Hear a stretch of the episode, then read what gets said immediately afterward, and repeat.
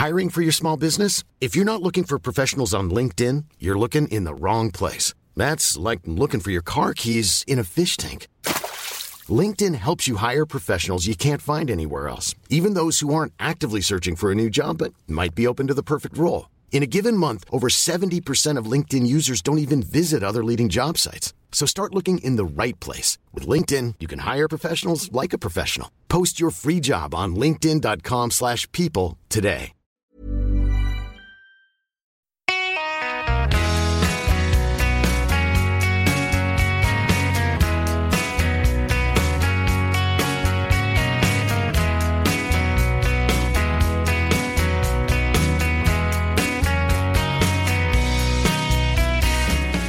God junitisdag på er alla trogna poddlyssnare. Väldans välkomna säger vi då till detta avsnitt 54 med mig Henrik Ingvarsson och Mig Lennart Persson i Skövde. Skövdes, Skövdesonen. Skövde. Är du Skövdeson förresten? Nej, nej, nej. Skara. Blanda inte in, blanda inte in dig i Skövde. Jag är inte ens Skövdebo, jag bara bor i Skövde. Okej. Jag är från Skara, då kan man aldrig bli Skövdebo. Vad är skillnaden mellan Skövdebo och att bo i, Ska, eh, bo i Skövde? Ja, det är att jag inte känner, kommer, aldrig kommer känna mig som en Skövdebo. Ja, Okej. Jag bara bor här. Är det rivalitet? Nej, det är det inte. Men ett berg mellan Billingen som eh, är en tydlig gräns. Det är ingen större rivalitet tror jag inte. Det har aldrig varit. Det var större rivalitet mellan Skara och Lidköping på den tiden när jag spelade handboll och fotboll och sådär. Okej. Ni håller ihop kan man säga. Nej, det tror jag inte vi gör. Skö- Skövde, det, där- det där berget var en tydlig gräns mot Skövde, så dit. Ja, okej. Ja, vi åkte till Lidköping när vi skulle på dans och röja lite. Ja, Skövde dög inte. Jo, då, det, vi åkte nog dit. Ja. Men alltså, till sak att jag gjorde ju lumpen ganska många månader i Skövde och efter det så sa jag aldrig mer Skövde, men det höll jag inte. Nej, det är helt uppenbart. Det är lite Karlskrona, Karlskrona Karlshamn i Blekinge. Det är också lite sådär. Det är inget, inget berg emellan men, eh, men lite uh, agg till varandra eller vad man ska säga. Det är ju sådana derby, fotbollsderbyn och sådär. Då blir det ju lite Precis. antagonism kanske. Ja. Ja, vi tänkte vi skulle prata lite amatörer idag. Lite grann eh, kanske ett skällsord i en del sammanhang kanske man kan hävda. Men i travsporten har väl alltid setts med väldigt god aktning och respekt får man väl säga. Eh, Ja. Som en st- stor betydande del av den svenska travsporten och folkrörelsen trav. Man håller inte på att tappa lite så har man inte tappat bort. Och det är ju... Licenstagarna i den genren minskar ju för varje år, så är det ju. Eh, Men de finns ju ändå. Vi har de senaste dagarna bara sett framgångar för eh, de små. Om vi ska uttrycka det på det sättet. Ja, små som i alla fall när det gäller Magnus Träff, träff så håller han på att växa sig stor. Va? Ja, dubbel på V75 i lördags alltså. Mm. Survival Kit och Queerfish. Queerfish, så ja. Och den, och den där senare, alltså det där är ju en häst som kan gå rakt upp i eliten. Ja, det var enormt imponerande faktiskt. Bara bäst. Ja. Och eh, sex hästar totalt tror jag han har på sin träningslista. Alla utom en uppfödda på Menhammar. Ja, okej. Alla Ja. sex har tidigare tränats av bland andra Stefan Hultman. ja, Så han har hittat någon guldorder där på Ekerö, den gode träff. just det. Jag läste någonstans att han har köpt i alla fall ett par utav dem på ASVTs internetaktion. Okej. Kan man fynda. Men han presenterar alltid hästarna i lysande skick. Han har ju eh, licens i Bollnäs. Ja, Han har något eh, behandlingshem eh, som han jobbar med. Och det, det som utmärker amatörer ska vi säga då att de har oftast de som vi då betraktar som amatörer de har oftast eh, ett jobb vid sidan om och det här blir lite kvälls och nattaktiviteter. Det finns ju andra som har haft amatörlicenser där. Daniel Redén, det, var ju bara en skrivbordsamatörlicens. Eh, Stefan Melander var ju amatör en gång i tiden eh, men jobbade nästan på heltid. blev proffs. Bo William Takter tidigare, Bert Johansson och så, så, så, så småningom blev proffs. Men så finns det ju de här amatörerna då som har ett riktigt, får man säga så, riktigt jobb vid sidan om. Ja. Bland annat så minns vi kanske den här. Första tusen har gått på 16. Det är alltjämt Express Gaxi tätt när det är 500 meter kvar. Har nu Mainevelle på utsidan. Tredje hästen Madrigal före Ilion Brioir. Där är sedan Gadames och Keola Hanover.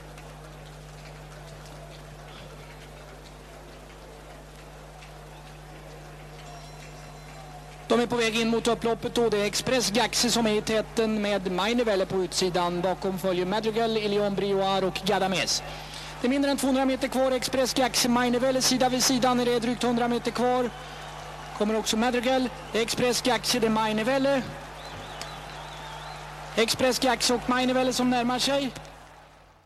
Det var ju en av de största amatörerna på den tiden. Gunnar Axelryds fantastiska Express Gaxe. Som här vann ett eh, Elitloppsförsök på Solvalla. Jag tror det var 1980. Och eh, alla så Håkan Elias Olsson refererar in eh, eh, honom i mål här i eh, Elitloppsförsöket. Ja, alltså... Axel... Lillis är, Lillis är de, de flesta får grövre, grövre röster när de blir äldre. Men eh, känns lite tvärtom med Lillis. Ja. Jag vet inte. Så kanske det är.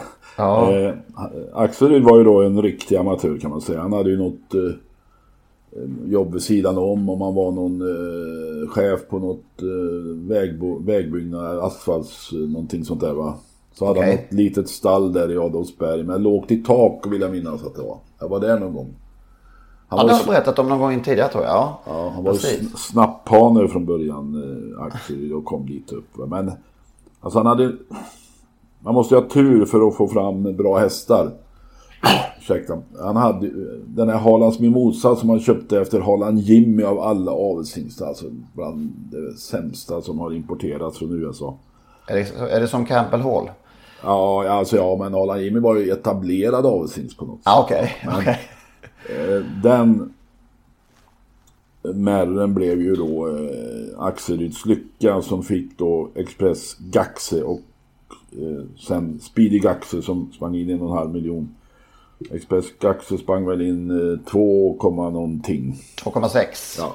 Alltså det, seger på 93 starter. en sån speciell häst alltså. Med sin låga huvudhållning och Gunnar en långe, alltså, det ska man ju säga, långe Gunnar Axel framåtlutad i sin bike, sulky. eh, och tjusa och så, så många tyckte, tänk om den där hästen kördes av en riktig kusk någon gång. Men alltså, han vann ju otroligt många lopp och stora lopp, kungapokalen. Derbyt, Sankt Ledje tror jag han delade segern med Kafir, eller var det inte så? SM vann han. Hugo Åberg två år i rad. Ja, visst. Oslo Grand Prix. Grosse Preis, Preis från Bayern. Åby Stora Pris. Han var tvåa i VM. Eh, Tvåa några- i VM på 19 och 3. Jaha. Bara, bara en sån sak. Det var vid några få tillfällen Sven Bergen körde och så tror jag Kalle Fylking körde en gång och vann något lopp i Hilversum. Ja. ja men jag kommer ihåg när jag började intressera mig för det här då i, det var ju den vevan där i början på 80-talet. Det var ju en häst som precis alla kände till. Mm. Även relativt ointresserade. Express Gaxe var det, var det, sa alla när man, när man bara sa någonting om trav så, så, så fick man Express Gaxe tillbaka. Jo men alltså han var ju speciell. eh, Dels då med en liten amatör eh, och också den här speciella huvudhållningen, speciella stilen. Och det där Gaxe lär väl stå för Gunnar Axelryd då, Gaxe. Det får vi förutsätta. Eh, Så att ja, det är en av de bästa hästar vi har haft i Sverige faktiskt. Ja. Ja, vad kommer han på skalan egentligen? Topp. Ja, kanske kommer topp 10. Det är så svårt att bedöma. Men hans meritlista där, Kungapokalen, Derby, Sankt Ledger, Hugo Åbergs gånger Oslo Grand Prix, Grosse Pris från Bayern, Åby Stora Pris. Det är ju svårslaget faktiskt. Ja, det är det. Sen hade han dessutom, förutom då Spirigax, även Diamant Gelg. Ja, just det. Trea i derbyt 1982. Vann 23 lopp. Så hade han någon på slutet där, om jag minns rätt, som hette Anki Tim. Okej. Som nog var efter Express Gaxe som han hade ihop med Börje Brostorp på Bros- Brostorps stuteri, Tim uppfödaren. Så att Axelryd har haft, eh, det kanske är den mest, alltså vi ska väl ändå säga att vi är ute på hal is här när det gäller amatörer. Vi kommer glömma några, många Ja, det, det, vi sätter en garantistämpel på det nästan. Ja, och så, det, så det, det, det öppnar ju också för alla som vill dels knäppa oss på fingrarna eller peka finger åt oss men också alla som är genuint intresserade att komma med egna idéer kring detta ämne. Ja. Alltså. Ja, vem är då? Ja, men ska vi säga att Gunnar Axel är etta och då är vi lite osäkra för vi har en utmanare. Ja, det får vi säga. Plåt-Sven. Sven... Uh, Andersson. Sven Andersson hette han ja, just det. Som köpte Abbey Ross, en dåligt travande Abbey Ross från Göte Östlund på Jägersro. Som blev en följetong i V65 på den tiden och vann ju många guld, flera i alla fall gulddivisionslopp. Eh, sen har han ju haft eh, Calypso Kapar, Setsot, Set Bowl, Baron Lux som faktiskt var årets tvååring en gång i tiden. Och inte minst den som håller på fortfarande, Lord Caparo. Han var väl något storlopp i Italien. Örjan Kihlström, eller hur var det du som kan Italien?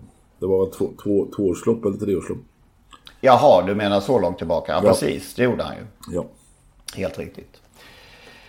Eh, nej, det är som du säger en allvarlig utmanare. Även om eh, Express Gaxe i sig är svår att slå. Ja, det tycker jag. Ja.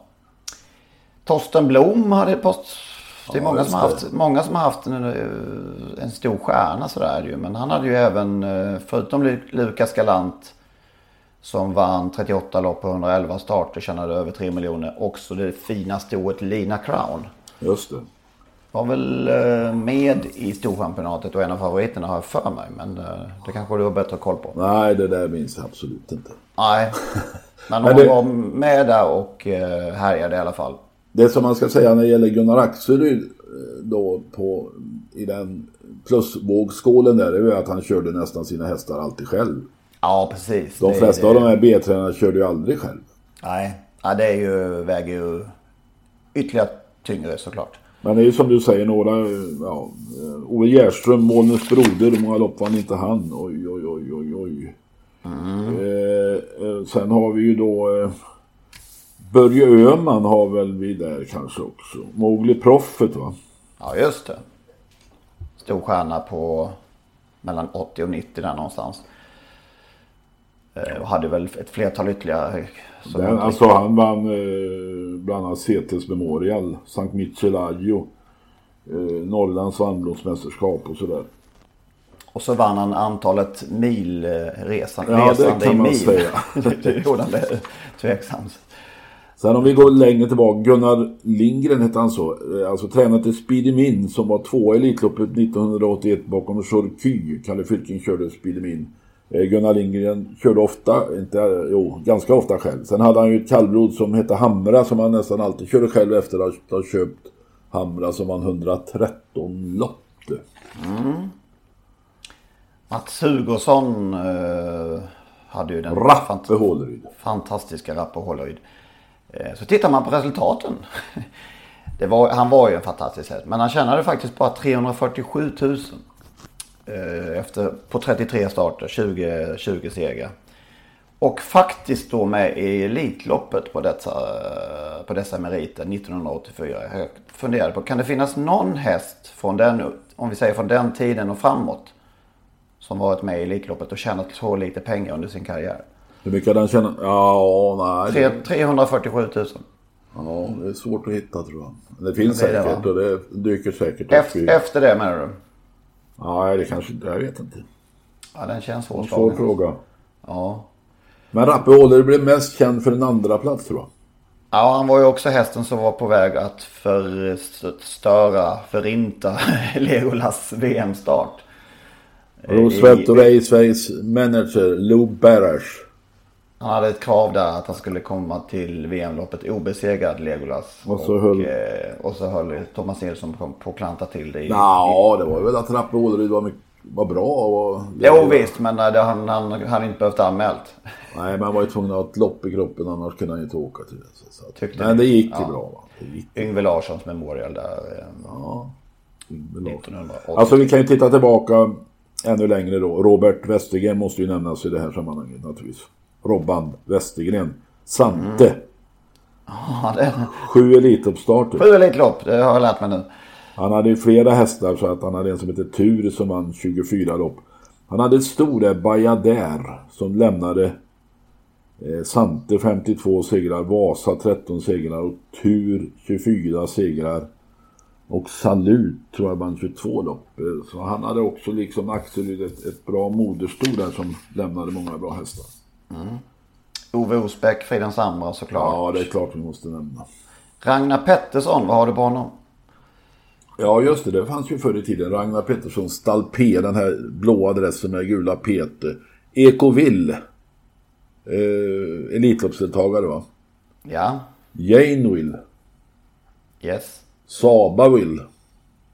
Eh, de där bröderna Pettersson var en maktfaktor i Örebro. eh, Jag tror Ragnar Pettersson till och med man var ordförande i sällskapet och eh, hade många bra hästar. Och, och eh, den där Stalpesträs finns ju fortfarande kvar. Alltså snart är väl det den äldsta adressen vi har kvar. Eh, 3S där brukar ju tillhöra de där i alla fall enligt ägaren.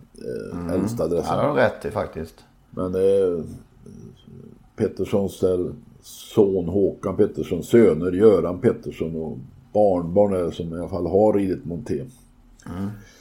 Bil-Bernt har vi också. Bilbernt höll vi på att glömma du. Det var, ja, men det hade ju varit skamligt om vi hade glömt denne eh, Olle Goops. Eh, svär, Svärfar. far och alltså morfar. Han, man kan ju gissa då att han har haft eh, viss eh, del i Björn Goobs framgångar som morfar.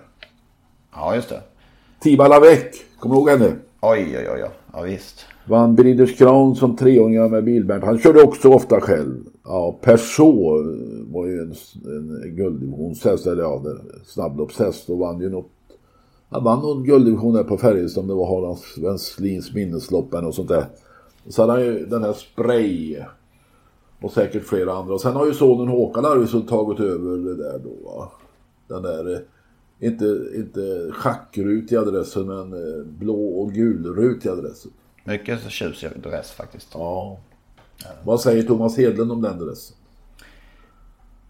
Jag tror han är förtjust i den, men det är lite oklart. Men, eh, vi har inte gått igenom alla i... eh, Kanske kan han höra med honom vad han Ja. tycker om Bilberns dress. Ja, det är min st- stora känsla, starka känsla att han gillar den. Ja, nej, men då kanske Du- vi ska lämna vi över till eh, lyssnarna. Men vänta lite, in. Henrik. Du har någon till? Ja, alltså vi pratar ju om träff där. Vi pratar om dagsfärsk. eh, Vi, vi glömde Christer S.A. Karlsson i Svans... Vi skulle, ju- det var ju han vi skulle nämna där som en av två, ja precis. Ja, och den eh, missar vi.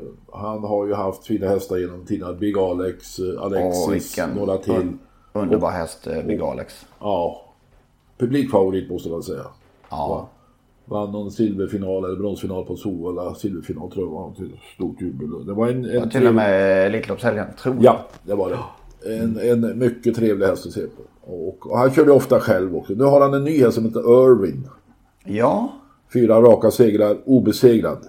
fyraåring. Ja, och nu är det, han körde själv de två första starterna och jag tittar på debuten, jag tror han gav 26 gånger. Det måste vara det här århundradets bästa odds.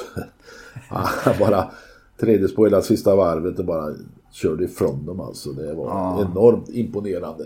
Nu har Stef, Stefan Söderqvist kör nu. Han har inte gett 26 gånger efter det. Nej, han Om man säger så. varit favorit alla tre gångerna. Ja, han, eh, där eh, sägs, eh, och det kan man ju räkna ut, att han siktar på V75 i- hemma i Årgäng.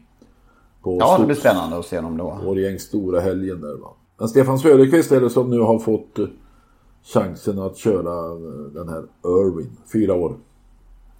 Dock inte anmäld i derbyt. Nej, precis. Jag tänkte det var till och med så att vi började snegla på om han var anmäld till derbyt. Så spännande såg det ut. Men det var han inte. Är vi nöjda så? Ja, vi förväntar oss en svallvåg av eh, Inväntar vi stormen. precis. am- amatörer. Det är bara att mejla oss på Ingvarsson snabel-a trottosport.se eller Persson snabel-a trottosport.se. Du såg väl att, eller noterade väl att eh, Twister Bee gick första bike i söndags? Jag noterar, vet jag inte, ja jag har noterat i efterhand, jag har läst om detta. Eh, eh, Och eh, uppenbart därför att han vann. Det är ingen bra häst men nu vann han då upp, tack vare den här, eller på grund av den här biken. Ja. Eh, nej, vad ska man säga? Vart, vart är vi på väg här egentligen? Vi har tagit upp det här tidigare och det känns som det, men det känns liksom som det bara ökar. Ja, hästarna kommer mer och mer i skymundan.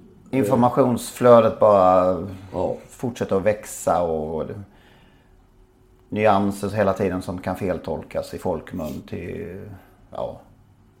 Ett, en liten tveksamhet i en röst hos en tränare kan, kan förvandlas till något som är århundradets avslag efteråt. Alltså det, Ja, vi var ju med om något sånt för några veckor sedan, eller hur var det? jag hörde det inte själv men, men eftersom jag han gav så pass högt odds så, så för, ja, kan man ju förutsätta att, att Johan Untersteiner uppenbarligen låg lågt inför Day or Night Ins comeback. Eh, jag har glömt vilken bana det var. Kalmar. Jo, jag Kalmar lyssnade faktiskt det. lite på ATG Live och, och eh, där fick man den informationen att eh, Johan Untersteiner inte trodde särskilt mycket på sin häst eh, eftersom det var årsdebut och han brukar vara seg i början och sådär. Eh, och sen, Körde ju också därefter får man säga. Han, Ja. han, han backade sist och ja, Och så råk- med rygg. så råkade han vinna Följde- överlägset. Kanske var de andra som var pissdåliga. Ja men alltså det var ju så att Royal Fighter ledde och tvärstannade i ledning då. ja, Och då kom han längst ut i banan. Så det såg väl mycket bättre ut än det egentligen var. Men just, var just där uppstod då den här debatten. Och att vara tränare idag hör, hör fan till alltså när det gäller den här informationen. För att och man missar en enda, alltså man har jättemånga hästar att tänka på. Man har jättemånga tidningar som ringer. Man har eh, ATG Live och man har det ena och det andra. Och man måste vara väldigt tydlig med all information. Man får inte missa en enda liten detalj. Alltså om du har skrapat av några millimeter på framhoven så ska det nämnas för annars blir det ett helvetes väsen efteråt. nej visst. Det är en omöjlig situation snart tror jag. Och gud förbjude om man eh, någon här skulle selas ut på i en annan vagn utan att det har informerats i exakt samtliga kanaler innan, innan dess. Alltså, vad är det för riktning vi håller på att ta oss mot och nästla in oss i? Jag vet inte riktigt. Är det här framtiden för travsporten? Då är jag lite orolig. Ja, vi håller inte på nästa in, vi har redan nästat in oss. Ja, Så allt går ut på detta snart och, och som sagt att om tränarna missar en liten detalj som inte ens behöver vara särskilt väsentlig så blir det ett ramaskri. Kan det bli tvärtom till slut? Att de inte säger något, alltså vågar inte säga någonting? Som förr i tiden alltså. Nej men att man bara klyschar in sig och inte eh, nyanserar på något sätt. Utan bara ja, säger det man vågar säga. Man måste ändå säga Att att det inte man, hamnar i kläm. Nej, jag håller med dig. Man, det är ändå så att det är en våldsam förändring Ja. över tid när det gäller informationen. Jag tycker alla tränare så gott det, så gott det möjligt nu ställer upp och, och, och informerar. Sen kan vi naturligtvis utgå från att det finns de som avsiktligt döljer information. Ja, det, det, måste vi utgå från. kan vi också väl säga. Ja. Och förr i tiden, alltså då, då var det ju all information förbehållet några få. Hästägare och nära vänner. Eh, och eh, det var ju heller naturligtvis inte bra. Men alltså en av de största vi haft, Sören Nordin. Eh, många har säkert sett en bild när Sören står på sin pall när dörrarna är stängda till stallet på Solvalla. Och när han inför tävlingar för sina hästägare har genomgång. Då värmdes alla hästar innan första loppet. Då hade Sören värmt alla sina 8, 10, 12 hästar. Och informerade sina hästar hur de kändes och vad han trodde på för möjligheter. Och han började den där genomgången stående som en sträng rektor på sin pall. Och tittade ut över en stor skara eh, äldre herrar, eller i alla fall medelålders herrar. Några i hatt, några i keps. Och så upptäckte han att någon att det var någon han inte kände igen. Och då pekade han med sin käpp. Lämna stallet. Ja. Jag hade en kamrat som eh, hade lämnat en häst som heter Franciscus Dahl i träning till Sören Nordin. Och han gjorde sitt första besök efter att han lämnade träning i Nordins stall under en sån här genomgång. Han tyckte det var spännande att gå dit och han stirrade på honom Sören och frågade Vem är ni? Och min, min gode vän Sven-Olof Ulveris sa lite försynt att ja, jag heter Sven-Olof Ulveris och äger Franciscus Dahlia. Då är det okej, okay, sa gubben då va. Men alltså han var ju inte ja. ensam om detta utan det var ju så förr i tiden att det var det var ju den inre kretsen som fick den informationen. Om den var värdefull eller inte, det vet man inte. Eh, jag vill i sammanhanget påpeka att Donkerman vann Mantorpsloppet med Björn Sandberg, jag tror det var 1973, barfota runt om. Visste du, hade du koll på det? Då? Då. Ja, det, det, tror jag faktiskt jag hade, men jag kanske inte förstod betydelsen riktigt. Nej. Gjorde du någon nytta av det? Nej, det tror jag inte. Nej. Det vet jag. Men jag trodde på hästen oavsett med eller utan skor. Okej. Okay. Eh, nu, nu har det visat sig då att eh, alltså det, skorna har ju varit eh, under flera år den stora men nu är det biken som är eller vad heter det? Ja, det har tagit över och där, här någonstans gick gränsen för mig känner jag. Jag orkar inte, ta, jag orkar inte lyssna på någonting längre. Jag, jag har gått helt motsatt väg. Jag lyssnar inte på någonting överhuvudtaget. Minns du, ja minns gör du naturligtvis, Alf-Gunnar Larsson. Amatörkusk, eh, guidenskribent, eh, tipsexpert.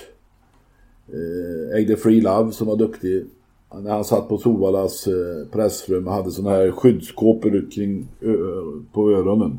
Jag kan se det framför mig. Hans hörselkåpor. Ja, men man saknar Alf G på, på pressrummet. Det måste ja, man säga. Alltså, du kan inte sakna någon eftersom du aldrig är där.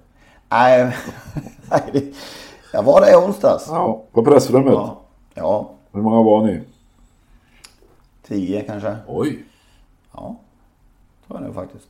Minst. Och nu har ju då ATG... Men så var det ju egen tävlingsdag också. Ja just det, så var det. Men nu har ju det införts då i programmet. Precis. Eller i programmet vet jag inte men på alltså startlistorna på ATG.se. Ja. Där står det nu vad de har gått i för vagn de sista fem starterna. Eller alla starter, så, men nu vet jag att de har börjat nyss. Så nu har man börjat att registrera detta. Men... Om man eh, är kompis med Sören Nordin. Det är ungefär Ja, alltså det är inte allmän, eh, allmän information utan det är förbehållet de som har premium, eh, ATG Live Premium eh, abonnenter alltså. Det, jag vet inte vad det kostar. Det kostar några hundra i månaden gissar Jag tror att det är en hundring i månaden. Ja. Det är bara de som får den här informationen. Och uppenbart kommer det inte att vara i, i programmen då, alltså gratisprogrammen eller barnprogrammen utan den, den ska finnas på atg.se Premium. Och då är vi, då är vi tillbaka för fan på 60-talet. Ja, på Sörens pall där ja. Ja, alltså ATG har ställt sig på Sörens pall. Pekade med en käpp mot de som inte betalar eh, premiumavgiften. Detta är ju Ut. fullständigt barockt. Ut härifrån, säger ATG. Ja, men vad är det vi eh, håller Men jag fattar inte heller riktigt var den här informationen kommer ifrån. För det är ju ingen som, eh, det är ju ingen som registreras in i samband med start. Vem, vem, vem, ja, tillhanda, kanske... vem tillhandahåller den här informationen undrar jag? Ja, det är väl säkert något mediaföretag som eh, som sitter som och tittar gör, i varje lopp och noterar. Ja, de där som gör travfakta och vad det heter. Eh, mm. Sitter väl och tittar på alla lopp och då kan de ju notera vilken vagn hästarna springer i. Så är det väl ja. Och det, det ingår väl då i eh, ATG köper väl travfakta från något håll. Tra, TR Media och eh, de, det är bara en vild gissning, en kvalificerad vild gissning. Men, eh, och det kostar naturligtvis pengar att ta fram de där uppgifterna. Men nu är man i kapp, då är det bara att, att man noterar varje tävlingsdag och lämnar in ett papper. Inskrivningen, okay. tränarna får tala om vad kör ni för, för vagn och så. Sen finns det ju ett antal olika vagnar och då placerar man in dem i en vanlig vagn eller amerikansk vagn eller sånt där. Men, alltså, Ulf Stenström ställde igår frågan vad SV stod för. Han visste inte, hade inte koll på. Det, står, det, alltså det finns en sån notering, SV. Ja, det är svensk eh, jänkarvagn. Jaha, är det så? Ja. Svensk, svensk jänkarvagn. Ja, ja. ja, det Ja, är lysande. Men alltså, vi, alltså, spelbolaget och SD måste ju ändå sträva efter att den officiella informationen.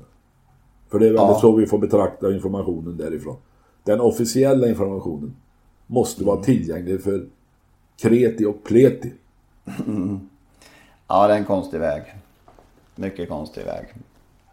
Apropå eh, detta nu så, så, alltså det här var ju nyhet igår, eller för, igår tror jag det var, det här med att den här informationen, vi fick ju ett, ett mejl där från en Per Lindén som upplyste om, och som detta var lite smått irriterad. Igår infördes också, om jag förstått det rätt, eh, kupongavgift på Harry Boy-spelare, de som köper Harry Boy på nätet, på ATG.se. Just det. De får betala en avgift högst 4 Precis kronor. som hos eh, ombuden eh, tidigare. Ja, som det är hos ombuden. Och då frågar man det är det för att jämna ut så att ombuden tycker att det ska vara någon rättvisa att, att folk eh, ska få det billigare på nätet än hos dem? Eller finns det någon annan avsikt? Eh, För ATG kan det också vara att man vill tjäna pengar. Ja, kan det vara eh, ett litet drag här från eh, allas vår Hasse- Skarplöt att tjäna ihop till Pokalos?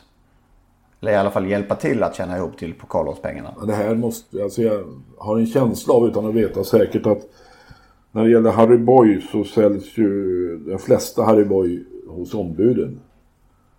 Det Så är det nog det är, ju, det är ju moster och faster och sådär som köper Harry Boy.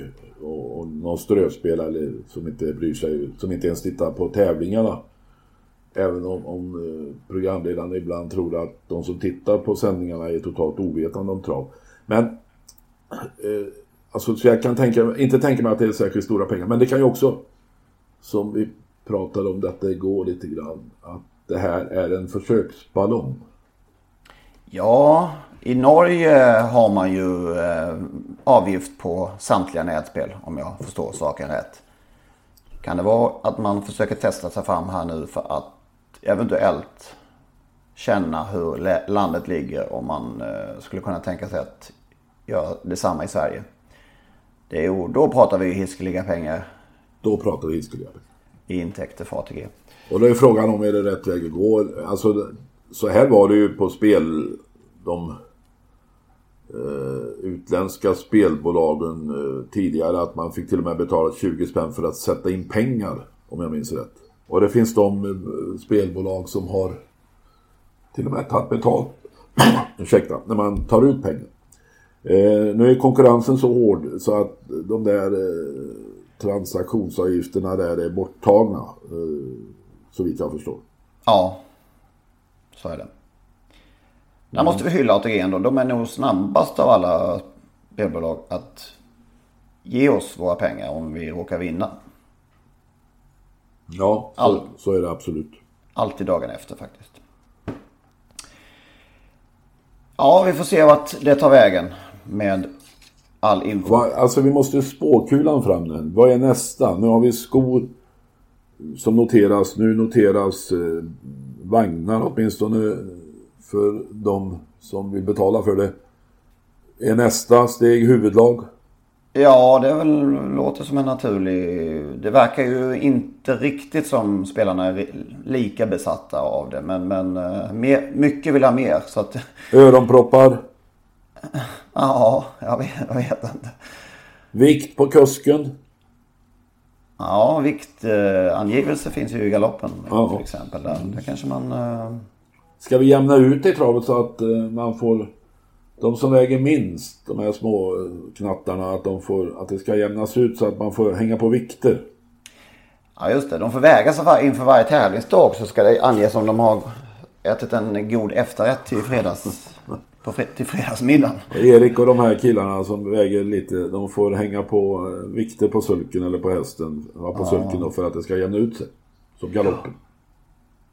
Ja, nej, det är ju som, det är som lite grann att spelarna blir på något sätt aldrig riktigt nöjda. Alltså den som försöker gå emot strömmen här lite grann är ju ändå Micke Nybrink som med all rätt tycker jag. Med Och vi. Ja, vi också. Med hög röst tycker att det är på väg att barka åt skogen. Alltså att det till slut bara kommer handla om materialet och inte om hästar och kuskar och tränare och vad de är fallna efter pappa, mamma och så vidare. Utan eh, travsporten får en undanskymd roll. Det är materialet som, som eh, står i, i fokus. Ja, men det var lite som jag sa tidigare. Det är, det är lite oroande väg tycker jag. Vi pratade ju de här tokkörningarna förra veckan. Vi fick faktiskt lite, lite eh, instick och uppföljnings uppslag där på det. Ja. Till exempel information om vilka hästar som kördes när fan flög i Åke Svanstedt och Robert Berg där den där vinterkvällen på Bergsåker 1996. Det var Berg som körde i spets med Malakoff. Och Åke Svanstedt tokpressade i dödens med Jovena Spinn. Så har vi rätt ut det till att börja med. Ja, har du flera? Sen var, sen var vi inne med den här, vi spekulerade att det hade funnits en holmgång, en riktig ordentlig sammandrabbning där Örjan Kihlström var inblandad. Greta Tull. Ja, det var ju det. Det borde vi ha, det borde vi ha kommit ihåg. Med eh, Greta Tull körde alltså Örjan och Åke Svanstedt igen där och alltså var inblandad med favoriten Yuppie. Eh, det var alltså Kihlström som svarade i ledningen. Svanstedt var inte nöjd med, det, med dödspositionen eller att ligga tvåa. och körde och körde och de första 500 gick i, i 10 tempo. Och sen till slut så tryckte sig Svanstedt till spets. Då går Kihlström ut igen. Och fortsätter pressa och eh, ja det var ju en, en intern uppgörelse får vi kalla det tror jag. det, brann till, det brann till i huvudet på den normalt så kylige Örjan. Den du eh, Henrik. Ja. Får jag säga en sak? Ja. Får jag viska? Nej, jag ska säga det. Ja. Jag ja. tror inte Örjan och Svanstedt har varit särskilt förtjusta i varandra under åren. Nej, jag kan också viska tillbaka att jag tror detsamma. Det är nästan som man saknar Åke bara för därför. Ja, Lite ja. här. Vad, vad körde Örjan för vagn den gången? Kan du titta efter det? har vi fler exempel? Eh, ja, vi har ju faktiskt en väldigt färsk. Var det inte 05 öppning här i... Eh, på vår huvudstadsbana. På en icke snabb, eh, icke speciellt för kvällen snabb bana dessutom. Eh, I onsdags. När eh, ja, du var ju där.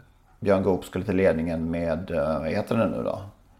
Next to Nansib. Just det. Vem var det som svarade nu? Var det Ulf Olsson? Ja. Ja. Det var en körning som hette duga. De hade kört klart efter ett varv. Eh, men vi har också lite en annan, eh, lite äldre. Det var Ellen, Lutfi Colgjini och Erik Adielsson hade vi sina duster på, på Jägersro när det begav sig. Eh, det var på mm, slutet på 90-talet. En van, ett vanligt lopp med hästar i mycket låg klass. Eh, Ludde körde Quick Wilson och Erik körde Wet Wet Wet. Där... Eh, ska vi se vem som körde i ledningen där då. Det var Ludde som tryckte såklart. och eh, den var stenslagen 400 kvar. Och eh, Wet Wet Wet med Erik höll till tappet till en fjärde plats. Jag fick ett mail från Leif Karlsson som påminner om en duell på Solvalla på 70-talet. Tim Cross, Stig och Johansson, Lady Ego, Lappen, Olle Lappen Lindqvist som duellerade länge. Oj då, det var ju... Lady Ego utgick, Tim Cross eh, skrittade i mål. Okej. Okay. Eh, så att ja. Eh, det har ju säkert funnits jättemånga sådana genom tiderna. Men det, ja. det är ju inte så vanligt nu för tiden. Nej, det är inte det. De är mer eh, hugade nu för tiden. Apropå dueller. Det här var ingen ja. duell, men det som hände på Bjerke. När mm. Rosfer Bäck eh, uppenbart körde över Ulf Olssons Didis Hitman. Just det. Eh, jag ska inte påstå att det var så, men jag tror det var lite av revansch för Jos Bäck. För han var ohyggligt upprörd på Ulf Olsson en Prix d'Amérique-dag den eh, 2011 Olsson var där och, Oj då. Olsson var där och körde Go Green Pellino, Pellini. Och Ja, just det. Det här minns man ju faktiskt. jag stod där borta i kurvan när de provstartade. Och eh, det blev, de krokade ihop där i alla fall. Eh, Olsson och Gianpaolo Maisto. Som är då eh, maffians guldgosse i Italien va. Olymp Olympia Griff om jag minns rätt. I Pri Leopold Ferrocco som slutet på dagen, treårslopp. Och han åkte ur sulken den där Maisto och bröt väl foten och var borta länge. Och Olsson blev nog lite skraj efter, han slängde sin taxi efter loppet i alla fall. Han försvann från en sen i högsta hastighet. Och, eller den här eh, Jos Verbeck gick och letade efter Olsson där på, på tränarrummet. Eh, han skulle väl... Ja, jag vet inte vad han skulle göra. Så han var Han gripa in till Maestros Ja, alltså de var, de, de, var, ju, de var ju kompisar. eh, Ja, okej. sådär. Så han, han eh, tog väl då italienarnas parti där och ville på något sätt tala om för Olsson. Verbalt, verbalt eller med knyttan, det vet jag inte. Säga Olsson ett san... sanningens ja, ord. på något sätt. Och nu, nu tog han sin revansch genom att köra över Olsson i Oslo Grand Prix. Ja, det var en långsint historia. Ja, det, det, jag vet inte. Men jag ville ändå... Det slog Ja, mig just det där. Ja, det är en spännande teori. Helt klart. Eh, ja, precis. Det är kanske är nästa ämne då. Överkörningar in imorgon. Oj, oj. Kan vi- kan vi- Fyra, fyra timmar, fem dagar i veckan. Vi väntar en ny storlopps... Eh, nya storlopp till helgen. De avlöser varandra nu. Norrbottens stora pris och Kymi Grand Prix. Ja, I Kymi Grand Prix, Timoko mot sin son Drymoko. Ja, just Det måste väl ändå vara unikt att, eh, att, det, att far och son har startat i lopp. Det, det finns säkert flera exempel på. Men Ja, det är i ett fint. internationellt storlopp har det hänt förut. Jag tror det, men, men visst. Det ju- Tror du det? Ja, det tror jag. Jaha. Ja, vi får leta. Det får Att leta. far och son startar inte i samma internationella storlopp kan det ha hänt förut. Ja, men det är väl... Eh, Ja, till, tycker det blir ganska kittlande lopp i Kymi faktiskt. ja. Med då eh, den superspeedy Work at Wonder på brygga 1 till att börja med. Bas Miraz, eh, Timo Kåre och Carabinieri som blev de- ratade i, i, eh, i Oslo på Bjerke. Det kanske Jerry Rådan ska vara nöjd med och Kristoffer Eriksson. Ja, kanske. Up and Quick, eh, Treboll, eh, Mallorca-hästen. Vann, vann väl i fjol om jag minns rätt. Ja, det var kanske det här loppet ja. Ja, men lite puttrigt eh, lopp med lite blandning av inslag. I, I norr, i Boden, i midnattssolen kommer ju åker ju Propulsion för att försvara sin seger och det ser väl bra ut från bricka 2 som han drog det perfekta får man väl säga. Han, blev väl klar favorit där va? Ja, ja, jättefavorit. Det utgår från.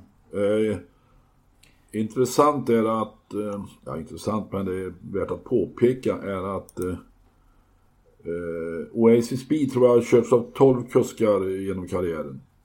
Just det, Det är ganska mycket. Det är det. Eh, även om eh, Sante kördes väl av 26 eller sånt där. Men, eh, men Kim Eriksson kör för första gången. Erik eh, petade honom för en annan mix får vi väl Ja. utgå ifrån. Ja. Lite minispaning här. Fyra av fjolårets V75-vinnare denna kväll på Boden startar även på lördag. Det kan bli fyra av sju kan bli samma vin- vinnare som samma omgång i fjol. Förutom- White House Express startar i, vad är det nu? Silverdivisionen blir det va? Ja, På spår två. Tangenhop vann i fjol den här omgången. Startade i kallblodsloppet. Och så Jörgen Westholms Ebony Boko sa jag också. Ja, White House Express blir jättefavorit. Ja, Tangenharp då? Tangenhop, ja svårbedömt för mig. jag överlåter kallblodsanalyserna till Tangenharp, ja. Till- Kommer till tillhöra favoriterna gissar jag. Ebony Boko tror jag Oskar J skulle köra från ett uh, bakspår. Eh, inte helt borta tror jag inte. Så det, kan, fyra, eh, det hade varit- det tror jag är unikt. Apropå Oskar J så vann han ju eh, eh, i lördags där. Och sen vann han med Trololo på Färjestad i måndags. Ja, Som imponerade. Hon var ju storchampionatsfinalist i fjol. Imponerade alltså. Från döden sista varvet. På, på ivriga ben sprang ifrån dem. ja.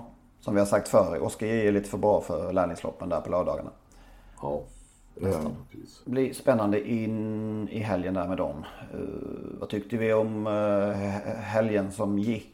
De här uh, Elitloppen som, som kördes. Om jag får ta det på min bästa lista nu då. Eller på min... Då kör vi bäst. Ja, jag säger då att, att de här lite yngre grabbarna, Per Linderoth kom till mammas gata i Östersund och vann storloppet där med Västerbo Highfly i Jämtlands stora pris och Kristoffer Eriksson då vann eh, Oslo Grand Prix med Twister B.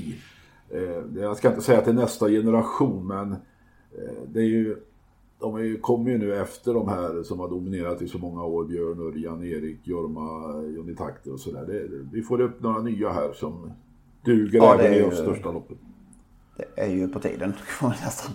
Ja, det har varit, en, alltså det har varit en, ett stort hål däremellan. Tycker jag. En kvintett där som liksom har bara rusat i... Eller vad det är, många är de? Ja, fem, sex stycken. Men nu kommer det ett par nya då. Som duger även i sådana här sammanhang. Och Kristoffer Eriksson, det har vi ju skrivit om och tjatat om så jävla länge nu. Han är ju, han är ju bland de där allra bästa. Behöver vi... Han kör med oerhörd pondus och självförtroende. Och med små medel alltså, inga yviga gester. Lugnt och Nej. sansat. Nej.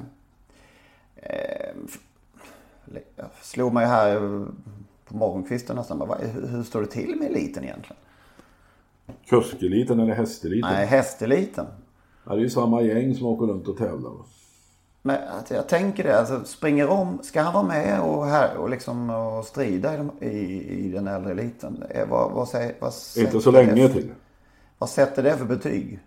På, Ja, utan att förringa någonting av vad springer om gör. Ska han sitta fast i Elitloppet? Ska han eh, strida i ett av våra största lopp? Ska han göra något i Elitloppet så är det att sitta fast naturligtvis.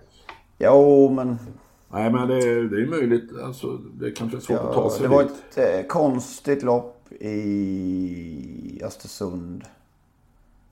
Eh, många som inte kunde någonting. I Oslo var det många som ha, eh, var långt efter i mål.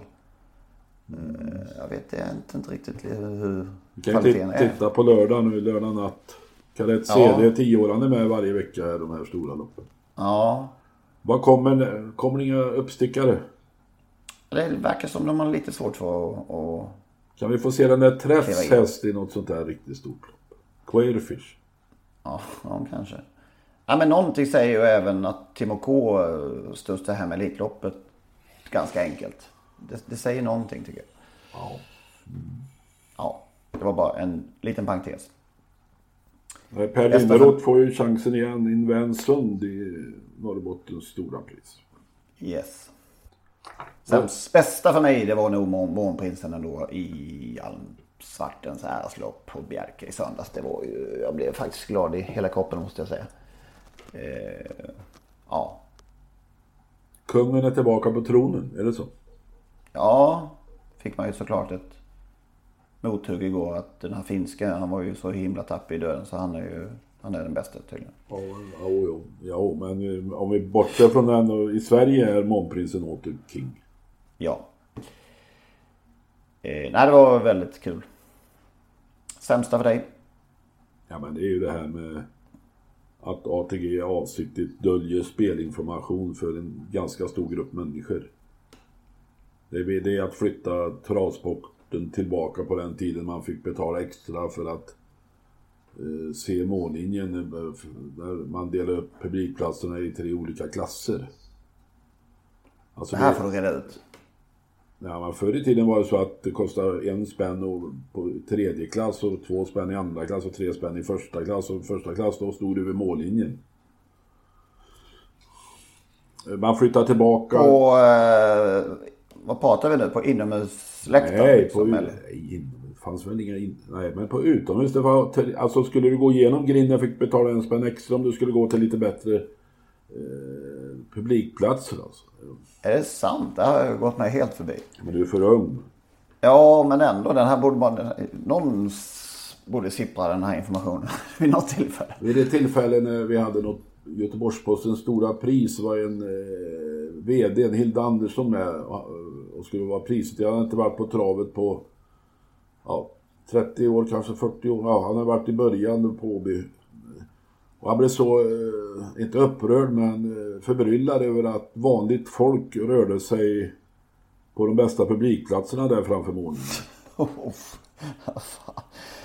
Men alltså, eh, vad kostade det en krona alltså? Ja, det var ju längst, ja, början på upploppet, eller den sämsta platserna. Ja. Alltså vi pratar långt- inte om läktarplatser här. Utan Nej, jag pratar- fattar på att det är på... Ja men det var eh, graderat alltså. Ja, Hur långt men, men för mig är ju mållinjesplatsen är ju den sämsta. Jo, men... eh, I min- i min ja, värld. Men, jo, men det kanske inte Ja, var bara vid målning utan det, det var en ganska stort utrymme där, kanske 50 meter från mål och till några meter. Ja, just det. sådär. Men jag tycker ändå, jag föredrar början och upploppet. Man måste välja så bör, mellan de två. Så. Ja, men då hade du kommit billigt undan på den tiden. Ja, det hade kostat det, det, en det, spänn det medan, dit jag vill komma. Jag, hade, gubbarna i, i hatt, eleganta hattar fick betala tre spänn. Du hade kommit undan med en spänn. ja, har stått bland eh. Men eh, nu kommer vi från ämnet. Alltså att för att lämna information från spelbolaget om utrustning som idag anses så förbaskat viktigt. Den eh, informationen måste kunna nå alla, inte bara de som betalar för det. Inte bara de som står 200 meter från 200 meter kvar. ja. Sämsta för min del är nog, ja, förutom Valen, Valentinos tricksgalopp i lördags. Ja, den, den var, plå, var- plågsam förstår jag. Den var onödig tycker jag. Väldigt, väldigt onödig. Ja, nej men eh, de här drivningarna med tömmarna i Norge, man blir vad det är, det hemskt det ser ut alltså. Jag vet inte vad som är värst eller det är, men det bara ser för jävligt ut. Det är väl så eh, djurskyddsaktivisterna vill ha det i Sverige också egentligen. Ja, De som vill bort, ha bort körsbö, de borde titta på hur det ser ja ut. det blir väl så här då kanske. Det, det, nej, jag vet inte. Pest eller kolera kanske, men eh, det ser så flängigt, hafsigt, slarvigt, eh, ovärdigt ut. På något vis. Det jag noterar från, jag tittar på böteslistan där, eh, eller bestraffningslistan från Oslo Grand Prix-helgen där. Och eh, det var mycket utförliga information varför de har fått böter eller avstängning. Har du något exempel? Ja, inte på rak arm, men de motiverade, de motiverade var, Okej. varje beslut på ett mycket mer utförligt sätt än vi gör i Sverige. Där, där det inte framgår ens om de har kört eller ridit. Nej, just det. Utan det är Precis. kört snedstreck ridit. Ja.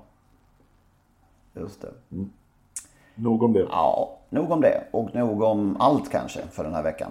så kan vi säga. Så eh, studsar vi eh, tillbaka om en eh, sju dagar igen. Finns vi med ett nytt avsnitt. Men vi nöjer oss så här. Ha det gott! Det är samma. Hej! Hej, hej.